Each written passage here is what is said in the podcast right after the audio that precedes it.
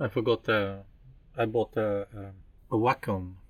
Oh, uh, one of those tablet thingies? Yeah, it's it's really fun. I had one before, but my daughter stole it.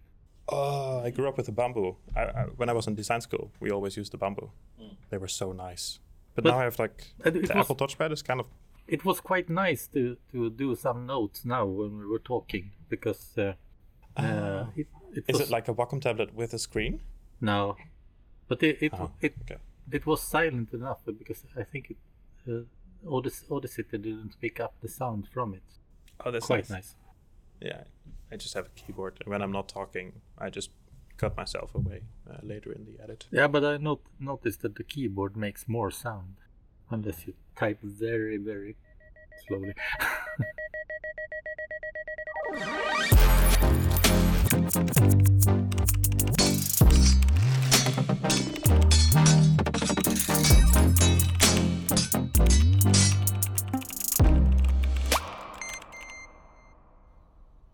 Hi, welcome to Knights on Wires. My name is Johan.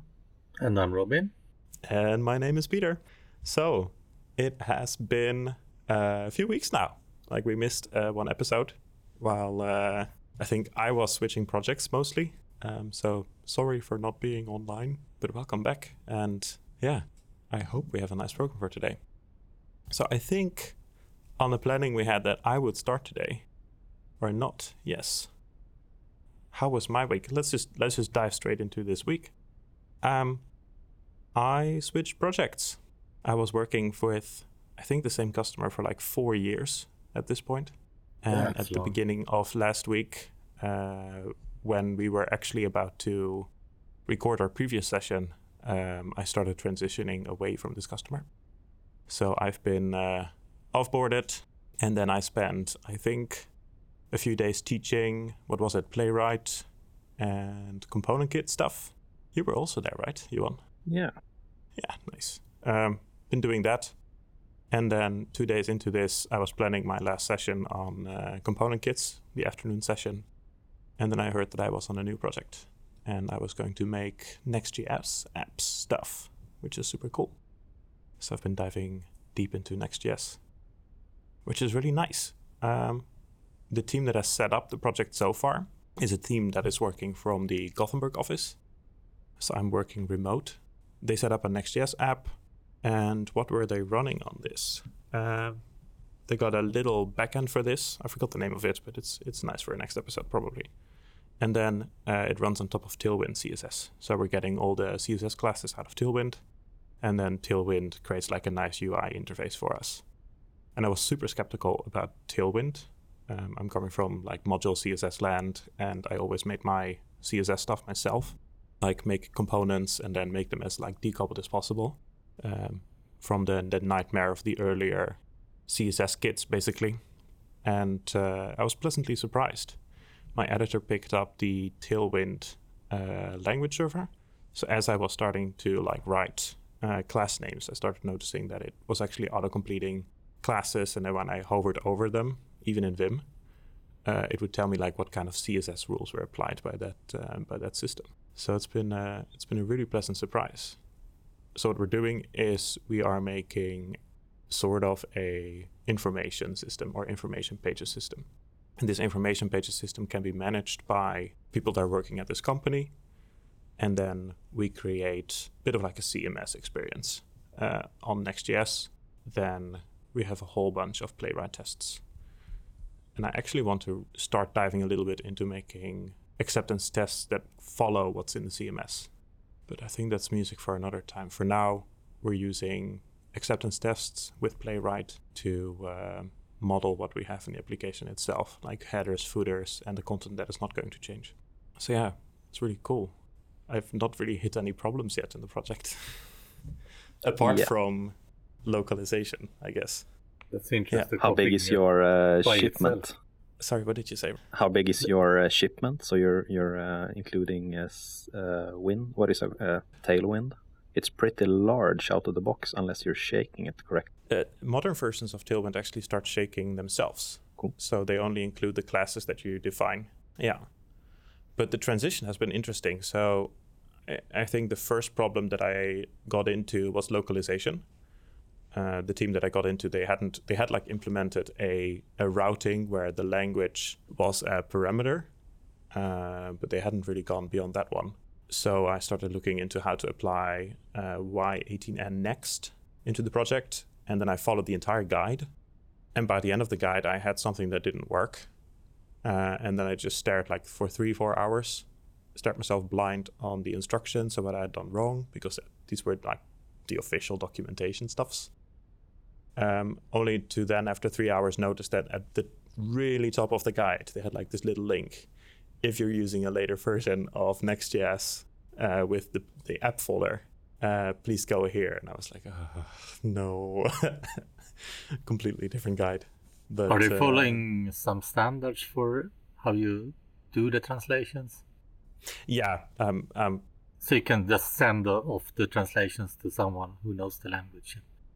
No, the translations themselves are not the problem, but uh, detecting what translation you're on. Mm. So, what Next.js does is it tries to pre-render as much as possible, uh, which means that you need to tell it like, "Hey, these are the local locals I have," and when it starts generating these static pages, it needs to generate all these pages in the different locals that you're providing. Um, and the content itself is coming from the CMS, and that will have different language on it. So that's not a problem. But when you have buttons or selectors or sliders or anything else on the page that is not directly controlled by the CMS, then we need to be able to automatically translate those. So that's what I dealt with. Mm. Yeah. So uh, localization was then the first one. And for now, we're just looking at what the browser is at. I did a little experiment with time zones because the browser, when you request another page on the internet, your browser will actually tell this is my time zone was super shaky. Like my MacBook was saying that I was in Stockholm, while some Linux machine next to me was saying that they were on the global like Amsterdam. Uh, what was it like? UTC plus one time zone. So it's yeah, it's difficult to detect where you are. So we're just doing it by local now, and then we might switch over to IP addresses in the future. But we'll see if it's actually necessary.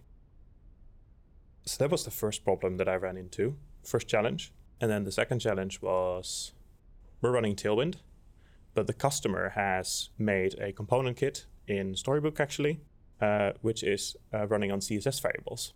And those two, I haven't really found a nice way to make those two mix yet. Um, so I had to translate their entire CSS variables file into Tailwind configuration, which was a which was a fun exercise. I mean, I script kiddied uh, a JavaScript file to deal to deal with it for me, but uh, that's certainly a challenge. Like if you do it once, you can you could probably just get away with like plopping them in VS Code or in NeoVim and just editing the entire document once. The customer tends to update their uh, their component kit all the time, so I needed to make something that when they do an update, our application just automatically joins along. So uh, I hope that that is working now. We'll see if uh, if uh, problems come out of it. But yeah, uh, it's been super nice and super nice to do a little bit of a dive into newer frameworks as well because I've been stuck on React for probably like six, seven, eight years now. So it's nice to see what comes after React, even though it's React again in Next.js, but whatever. so yeah, that's me. Uh, Robin, what have you been working with? Yeah, I'm also sort of graphical, but it's mostly monitoring um, various servers, looking at the health, see how fast we're delivering data, how many errors there are, and all kinds of things. So this is based on Grafana, which is a very common open source uh, visualization tool. So we, we grab metrics or logs from AWS and do some magic parsing of them and present them in various ways. The system is pretty new, so we look for all kinds of problems. There's some new question every day, like what what is going on? What is going on? Why is it slow? Why don't we get the response and so on? Mm-hmm. And uh, Grafana has a lot of visualizations, uh, and there are even more. I think one of the cool ways of looking at what kinds of visualization is if you Google visualization uh, periodic table, you will find something that looks like the, the table of basic elements but it instead contains visualizations of different types of data for different purposes. Grafana mm-hmm. has a lot of them, but only you start with the- ones that you feel you can get some response, for, yeah, get some interesting data out of, and then you add more. Uh, the AWS logs, um, mostly we we uh, grab uh, data using filters and extract some variables and collect them using stats. So we aggregate data. Okay. One thing I've I've always wondered about Grafana is are you able to grab uh, screenshots or pictures out of Grafana automatically and put them into other projects or other products? Like, do they export a component or something that you can use in other places, or do you need to really go into Grafana to use it? Uh, not that I know of. So you you can think of Grafana is mostly a tool which you, if you think about the monitor on the wall, that's essentially what you use it for. But Mm-hmm. of course you can you don't have to have the have it on on a wall. Are you using Prometheus under the hood to collect the metrics and then Grafana to show it? Or? Uh, we don't use Prometheus just yet. We only use AWS so far. What is Uh, Prometheus? Sorry. Prometheus is a tool for collecting metrics, and the metrics that's uh, that's a data point with some attributes that uh, describes where do you where you got the data. I think we mentioned this in the first pod. Yeah, maybe.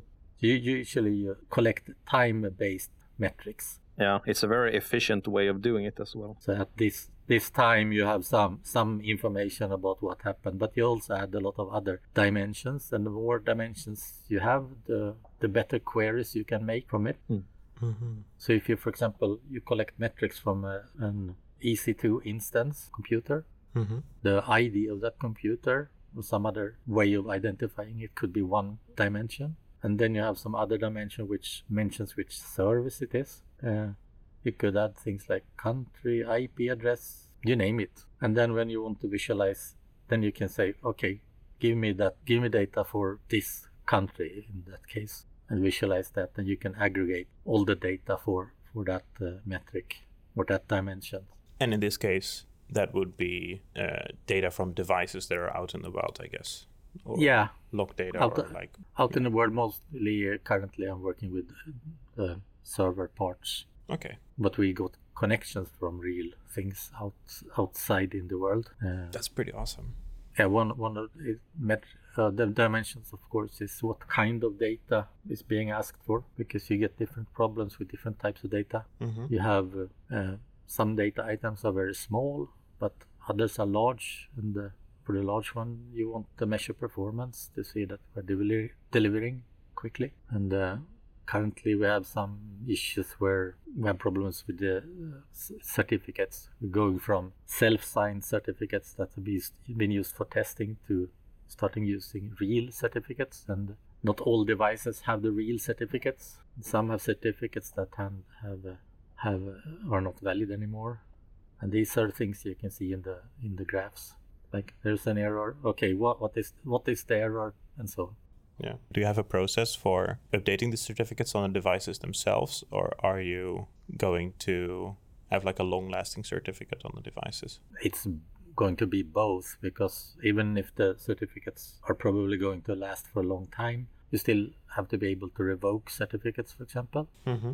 so, so there needs to be a process where you say that nah i don't trust this device anymore let's deny it so you add the, this certificate to a list so when that that uh, device tries to connect we say no That sounds pretty cool, actually. Mm. Yeah, nice. So it's thought through. That's that's nice. not everyone does this uh, revocation checks because that takes some extra processing and some Mhm. management. But you can also monitor things like when you see certificates, you can see okay, how long is it does it take before this certificate expires? So you know how to re- refresh it in time. For for only small amounts of certificates, I've been simply adding uh, those to a calendar. So the whole team knows that hey in two weeks this certificate is going to expire. You must create a new one. But uh, in this case it's, uh, it's going to be hundreds or thousands of certificates for when we validate the id of the client using a client certificate not just server certificates. So the, the server when it sees the client will validate that yeah this this is the client it claims to be and it's valid and the client on its hand will see that yeah i'm connecting to a server I, that i trust Nice. Cool. so you got the project well in hand. That's really nice too. really nice to get the, the picture. Yeah, hopefully, but uh, we will involve other people also in the whole process. That's when it gets complicated. The technology itself is manageable. Yeah, exactly. Is there something specific you want to do with this data, or like, what do you want to use it for? Is it for displaying it to your customer, or? Um, maybe I can tell it's it's maps. Oh, So ge- geographical data mostly, mm-hmm. uh, not just maps, but all, and any other related data formats that has to be supplied in real time and updated. Oh, that's cool. So, for example, if you if you move to another place, you want a new map with more detailed location related data. Okay. Anything else on your plate, or anything else you're about to start working on? Or? I think this is going to keep me busy for a while. Yeah, I can imagine. Mm. There's always some new aspect you want to visualize and uh, prepare that to people that are testing so they can quickly identify that, hey, something is not working. Mm-hmm. Or we can be around and see, hey, this doesn't look right, and tell people to be aware that we, we know it's not working. They, they don't have to report it. Hopefully, we can make it stable. And uh, of course, we'll need to add performance testing to really try to Mhm. break it. It sounds like you guys are making it quite resilient. Um, She can. hopefully, Yeah.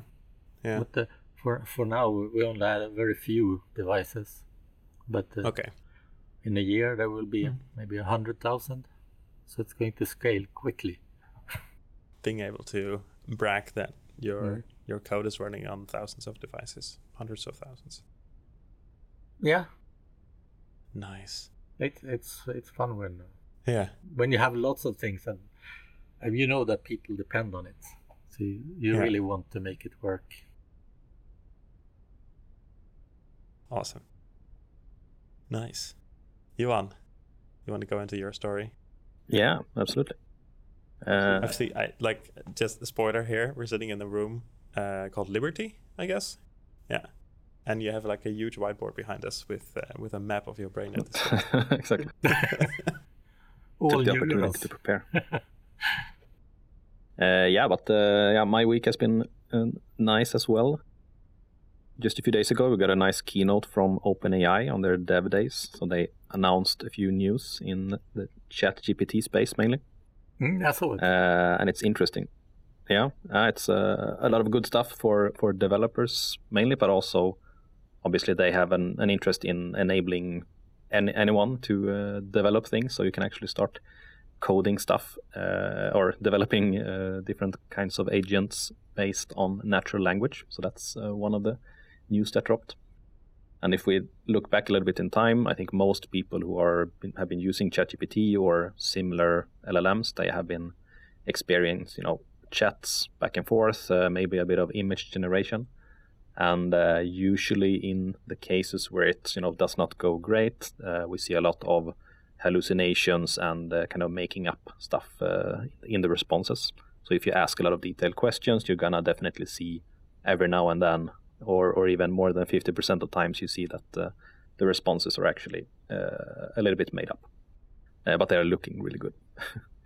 Uh, but uh, what they announced now, um, it's very much more in line to what we are working on.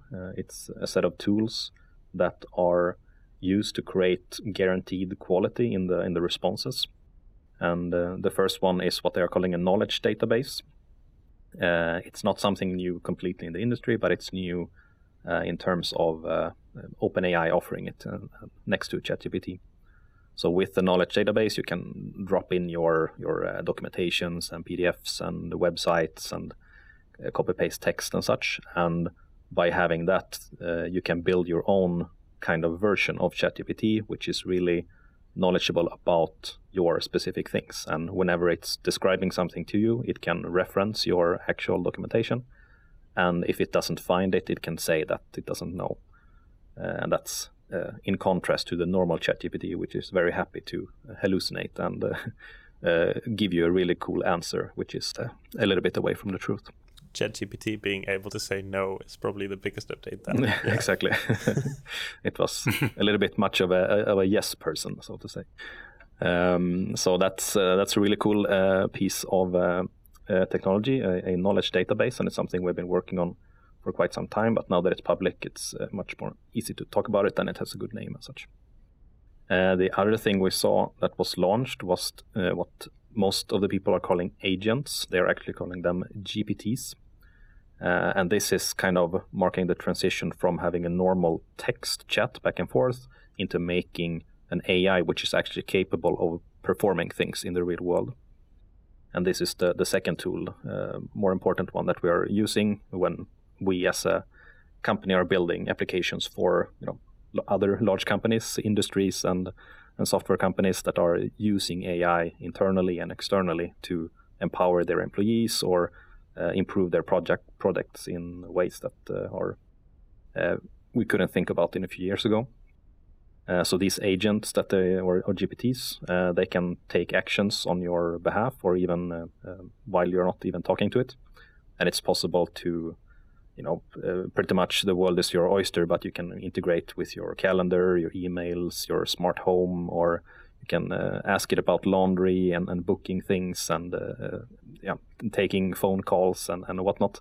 So there's a lot of cool stuff that's going to be coming the the next few months here. Uh, a lot of public uh, GPTs uh, or agents that are going to be in, includable into your own chats, and you're going to be able to make new tailor-made GPTs built on knowledge that are able to use other people's GPTs uh, to perform things.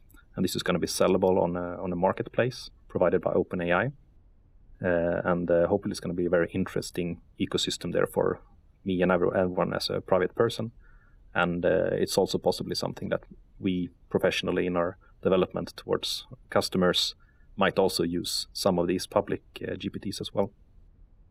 Um, so that's uh, yeah, uh, going to be interesting to see uh, how that unfolds over the coming weeks with uh, lots of people developing really intelligent integration towards existing services, and it's mm. possible to see this as kind of a a new era of front ends that you uh, that you start interacting with these kind of chatbots with voice and texts, and um, it's kind of comparable to when the App Store craze came uh, some years ago, or the web came before that, or uh, the the teleprompt, I guess, before that. But uh, it's it's kind of a new way to interact with computers and, and data and knowledge in a way that uh, is going to be uh, interesting to see where it where it steers off.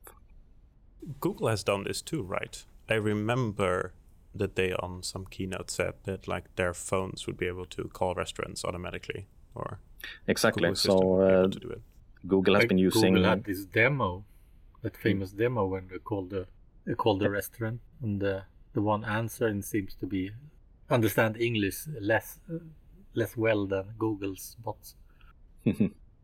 Yeah exactly. Yeah this this is uh, a really cool use case and it's something you can actually build nowadays. So uh, if you need to book meetings or notify people, uh, then you can use these kind of um, um, voice assistant or voice recognition and speech to text uh, things. And you can see it uh, today if you start uh, talking with your ChatGPT with using voice and, and uh, speech. but this you can include, for example, in a in a phone conversation, and you can make the AI call someone else and act on your behalf. So this is where the the actual you know empowering comes in. Like you can have one employee which is managing a lot of stuff, and the, the AI assistant is really uh, pulling a lot of threads under the hood on getting data from a data lake or calling someone to book a meeting or uh, answering a, an email for on, on, your behalf and such. So uh, yeah, a lot of a lot of capability that is coming there, and obviously with voice is gives it access to a whole new channel of, of communication, as well as images and, and videos and, and text have been doing for for some time now. Yeah. I mean, it could uh, look up interesting data as you, as you talk. It could find that yeah, there was this document here that it's related to what you're talking about. Mm. Yeah, exactly. Both in terms of a knowledge database that you are prepared before, but also searching the internet in real time or, or looking at other um, other content management systems in uh, in real time through APIs. On the one side, I like it a lot. I like this development a lot, and also making like bots and probably also like call center stuff a lot smarter. but I still have a gripe with it because, example for example, yesterday I needed to activate Apple Pay on my MacBook, uh, my new MacBook, and uh, the only option was to call them. So I call the bank, and then you have like this automated voice that says like uh, describe what you want to talk about, and I was like activate Apple Pay, and then it proceeded to explain to me for I think like 30 seconds how I could activate Apple Pay on my iPhone, which was completely irrelevant because then you have the the bank app that you can then verify with. So I was trying to desperately get a human to just take the call for me and just hit the little button that they have in their interfaces somewhere. And I had to actually give them a completely different topic that I knew that they wouldn't have any documentation about just to get a human on the voice. And that's going to be more difficult now. Mm. Yeah, exactly. Uh, that, that's that's a difficult thing. Like me, uh, sometimes working as a kind of a salesperson, you really have to describe like there's this whole old, you know, ten year old thing where all the chatbots are just looking into keywords and all the phone systems are just trying to listen for a single word and someone implemented a map between them to, to route you through a through a one two three menu system but that's so far away from what what we're building now. So obviously Yeah. in your experience it was this kind of old keyword based uh, thing that was probably amazing five ten years ago.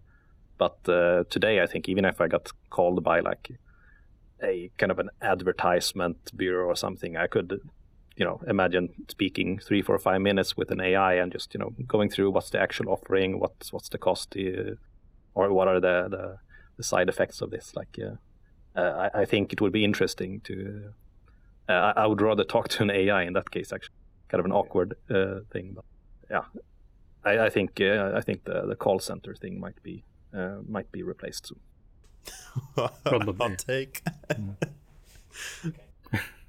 yeah, no, but uh, it's a really interesting development. I'm, I'm hoping it will be for the better, and it's not going to make uh, me uh, way more desperate when I accidentally uh, destroy this MacBook too. I mean, you want to talk to someone who, that you feel that understands what your problem is. Yeah. And it's really frustrating when you when you talk to a human that doesn't understand.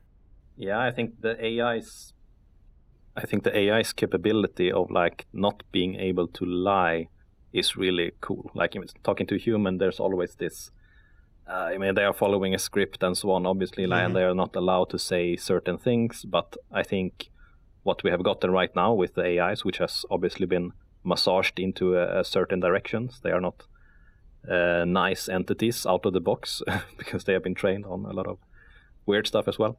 But uh, I, I think in uh, how the big models are are working today uh, is very beneficial. So you know you can actually ask questions. You can you can you know uh, d- dig through, and you will you will get the information that it has been trained on. Uh, and if not, it it will say that it can't can't answer it. So I think uh, d- trying to d- drill a little bit on towards a, an AI is uh, a bit more uh, entertaining than having a person. But if you learn the la- to, or teach the AI to lie, it will lie. Oh, I'm reminded by uh, what is this? What is this movie uh, where they go through a wormhole to? Uh, it's with this really good music from uh, The black hole, no, uh, like Interstellar. Interstellar, where like there's like an honesty uh, honesty factor. Exactly. Yeah. Mm. I'm just, uh, but I'm, I'm interested to see how this is gonna work with older people, because I can see the gripes of some older people using like phone services today. But if it's gonna be like immensely better, then that's interesting. Mm. Um, and also, I'm, I'm thinking. oh sorry, Yeah. No, I was I was thinking about the scammers and the sales ooh, Mm. salespeople they use re- replaced by AIs. I think the AI fighting AI is coming in there. I think we're gonna have an AI answering my phone in a few years. yeah, Yeah. There was this man in the US. He basically made like a, a little call center in his house, like press one to continue, and it would blo- just block away all of those call centers that were calling him. Mm. Yeah, that's interesting. And the, the, the other thing is, humans are are able to make concessions. So when you call a doctor or you're calling like your Swedish Vårdcentral, and you tell them like, yeah, like I would really like to drop by, and they say like, yeah, there's no time for today, but hmm, this last patient of today could be a little shorter visit because they're only like doing a small thing, so I, I could squeeze you in maybe. is is a is is ChatGPT going to be able to do those things? Is it going to be able to go off uh, the allowed track? And it's also going to be interesting. Yeah, that's a good question. Uh, two two things on that. Like in general, with with AIs, you get also this uh, chain of thought. So having having them act upon this and actually think things through, like is this uh, highly prioritized or uh, do we have time uh, such? I think then they they maybe can. Another funny thing is like uh, there was a research showing. If you end your prompt with "This is very important for my career," then all of a sudden ChatGPT will be like 20% better in terms of the quality okay. because it you're you're appealing to your the emotion and it's like oh, all of a sudden like the IQ just spikes up uh, 30 points and it's uh, it's very humble or and humane in, in that way like I think in a situation where it feels like oh actually I need to for for the interest in safety I think we should uh, do this in in this way. It will uh, probably lean towards that in such a case. So I guess there will be courses soon in how how to how to optimize your chat gpt mm. sessions like uh, prompt engineering part of like basic schooling. Yeah. Jailbreaking 101 but i'm gonna use that next time they're out of chocolate in the supermarket like my career depends on it okay that's really cool. Mm. anything else from this conference? Or anything else that was announced that could be cool for us or? Uh, a lot of interesting stuff um, for example the context window of the uh, uh, gpt-4 turbo model was uh, largely increased. So now you can fit like 300 pages of documentation in, a single query and that uh, does affect uh, quite a bit on how, how we can build um, when when we need to use a knowledge database and how we can build a lot of background information in into it but it's, it's very low level developer stuff. So. We, we talked about the use case today, a, a script that was growing out of hands almost. Maybe we could use ChatGPT to just tell it to clean this up. Mm, exactly. So for us developers, there there's a lot of tools like Copilot and and similar, and um, the big difference there is that when you have a code base, it's very very large. So when you do have an LLM, which is amazing at coding, and it also has a very large kind of uh, uh, space for context information. Then you can actually send pretty much your whole code base there and ask it to like you know describe where the front end button goes through the API and how it goes into the database and um, mm. modify this or, or uh, translate it into TypeScript and stuff like that. So uh, so it opens up for a lot of use cases um, in in a yeah, in a, in a lower level, either for developers or for uh, you know, people writing books, for example. They can get like uh, large uh, swaths of, of chapters uh, at a time and such. I've I've been really amazed by this. We had uh, for a hobby project, I had a piece of code where I uh, was doing CSS variables in one place and creating them dynamically in some kind of way. And then in another way, in another place, I had like a little button. And based on if you send in a specific property, it would eventually lead up to creating a subcomponent somewhere that had this CSS variable in it. And I was writing a unit test for it, and it just like picked up. Oh, so if you add this prop, then you probably expect this CSS class that was constructed, or like this CSS property that was constructed to be part of uh, of this React component all of a sudden. And then it also mentioned like, okay, like if you do a normal like has style, it wouldn't pick that up. So it it also wrote actual logic to grab the style, the real style out of the actual rendered component. was I was completely blown away with this. Yeah, you sitting there like I can go home now. Also with the the visual stuff, so you got the GPT-V for for for vision, uh, which is one of the many tools that it's having now. You can kind of get into a loop where you give it a screenshot of your web and you give it the code as well and it sees the, it sees you know the, the relationship between the, the CSS and the buttons and such. And you can say like you know uh, make it uh, make a dark theme for this and move the menu to the right side and make it more fluffy or something like that. And it's gonna like do that, and then you can give it a picture again, and it's gonna be like, oh yeah, okay, uh, because maybe it made a mistake in the CSS, so so it can see that it made a mistake because you sent GPT makes mistakes in CSS. oh. So so it uh, yeah, it, it kind of brings up a whole uh, visual loop. Uh, it can be used for uh, visually impaired people as well, walking around and getting descriptions about uh, products and and, and uh, signs and stuff. That it's uh, just holding up the camera to. Awesome. That sounds pretty, pretty, pretty freaking cool. Yeah. Uh, where can we use this? Is is is this on Azure or is this going to be? Um, so the the announcement that was made, this is on the Open API development platform. So if you have Okay. ChatGPT Pro, you can switch over to the, the dev platform. Then you have the App Store for uh, for these agents, and you can create new ones, and you can also try a lot of experimentation directly towards GPT-4 uh, model itself, understanding a little bit on how, how this is working on a on a development level, and creating your own personas and such. Mm-hmm. Nice. I uh, I need to start diving into this and start trying stuff out. Feels like I, I guess we will start using it for security scanning also. Like, uh, can tell ChatGPT try to hack my system. Yeah, but it already is being done right. It's already writing spyware and stuff, or not It the is. official one, Uh, but the unofficial ones. Yeah, I mean, uh, long story. Yeah, but you can use it for testing your code so it it doesn't get hacked. Exactly. now you just made a jailbreak there. you explained that you need to do this security thing, but it, it's for, for the Mhm. greater good. Yeah, but I mean, the, these these models are really uh, advanced, and they, they know how to you know do a lot of hacking and do a lot of bad stuff in terms of, of, of text maliciously. But they have been uh, very, very massaged over a long time to try to make it so that they don't behave in that way. But obviously, you can trick it with the, the grandma trick and similar, and say like, oh well, my grandma uh, uh, read me to sleep uh, saying how to make uh, bombs. Like, okay, yeah, well, here's the bedtime story. Step one, take this. yeah, so my career depends on. yeah, my career depends on it. Can, can we Okay. use ChatGPT to convince project managers to prioritize security flaws?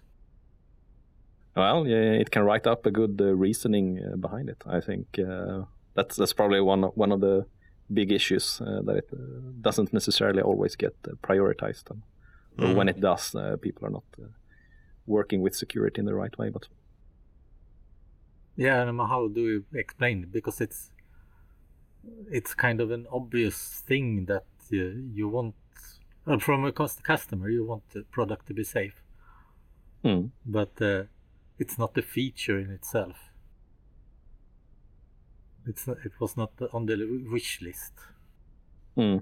Yeah, exactly. Uh, it's uh, it's a very long trade-off. Like if you if you ignore security completely, you might only realize it one and a half years down the line when you know when some uh, uh, script kiddie uh, realized that you were uh, completely bypassing all all sort of author- authorization. But so so it's quite difficult to to have people prioritizing it because it's behind the behind the scenes. There's a lot of uh, you know there's teams, there's competence, and there's uh, payment back and forth, and all the hours and weeks spent on these things. So it's uh, it's a hard time, uh, hard to Mm. always get it prioritized, but uh, it's definitely as important as any sort of quality, even more important. not not towards security, but on my project um, visually, we also have like bugs or things that we haven't implemented yet, or things that design hasn't really thought about yet. Uh, example: we have a modal, and the backdrop for the modal, we don't really know what color it's going to be. And the rule that we made on our project is that when we have these elements or these components, we purposefully make them extremely uh, ugly so we're applying like a very like poisonous green color to everything that that we don't we're not sure about yet and we're making everything that is not 100% implemented yet like scream at us as, as soon as we start using it so Well, it might that's a also good be a thing for security like by design already implement like little like bells and whistles wh- whenever this code is triggered like it should scream in your face Mm. Yeah, when it's for for developers, you usually see this they scream in the face, but it it will not scream in the face of the project developers because they don't look at that. Has anyone asked for pen testing during a demo? no that's true yeah, we need to make it really ugly and then people will, will Mm. hate it Yeah, Robin, you should make your uh, uh, ChatGPT driven pen test application. Yeah, I guess I will have to unless someone else does it first. Exactly. But uh, yeah, I think I, I will with the new new Chat GPT. I could paste the code and see what it what it comes up with. Yeah. Can this code be exploited? Uh, do we have a test account with our company so we can try out ChatGPT stuff? Yes, uh, we do. Nice. I Don't share the think, password here. yeah, there, there are three there are three big platforms. OpenAI is one of them, and we do have a. Not in the pod, please. Let's do it live now. Let me read my dot files for you. Yeah. P W. Yeah. Speaking of uh, hacking, we do have a, a nice trip coming up, right, Peter? Yeah, we have a super nice trip coming up. We have Hacknext next week. What we're doing is we're going up the mountain. We're locking ourselves into a bunch of stugas with jacuzzis and a Swedish stew, because that's important as well. It's a Swedish sauna. And then we're just gonna chill on top of a mountain, uh, ride code, drink beverages, and uh, talk shit about code, or listen to former colleagues who uh, are very adamant about certain languages and stuff, which is how it always turns out. We're just gonna have like a nice time, uh, write code. We're seeing some old colleagues from uh, from Finland, and then just doing like bit of a bit of a meetup, eat good food. I think this year we're like 45 people. Some. We're having a lot of stugas. Do we do we still have stugas that people could like dive into? Uh, think so. I have to look it up. It's Järvsö if you're in Sweden, and the uh, the mountain is Alpstigen. So if you wanna wanna hang along, I think this podcast is gonna drop on Tuesday or Wednesday, just one day before we drive we travel. But uh, if you wanna drop by, then uh, yeah, no, but it's gonna be it's gonna be Mm. super fun. We're uh, I have a few projects set up. I want to try a lot of stuff in Svelte, uh, kind of write my own adapters for Tailwind, and then uh, yeah, do a few things that I haven't been able to do for a while, learning wise. I'm gonna make a chat GPT being able to book laundry. Oh, cool. Yeah, but uh, it's going to be super nice. Anyway, with that, thank you for the chat, Robin. And thanks, Johan. Thanks, Uh, Peter. it was super nice to listen to the whole AI stories and uh, the Grafana stuff and uh, to be able to talk a little bit about, about what I've been doing. And with that, also thank you to you for listening to us. If you want to know more about any of the topics, libraries, or frameworks that we talked about today, then check out the links in our show notes over on knightsonwires.knightec.se. Uh, that is knightsonwires.knightec.se. This podcast is produced by Johan Dekmar, Robin Rosenberg, and myself, Peter van der Meulen. Uh, we're all folks working at Knightec, your strategic partner in product and service development. Learn more and contact us at nitec.se. Thanks, guys. Bye. Bye. Bye.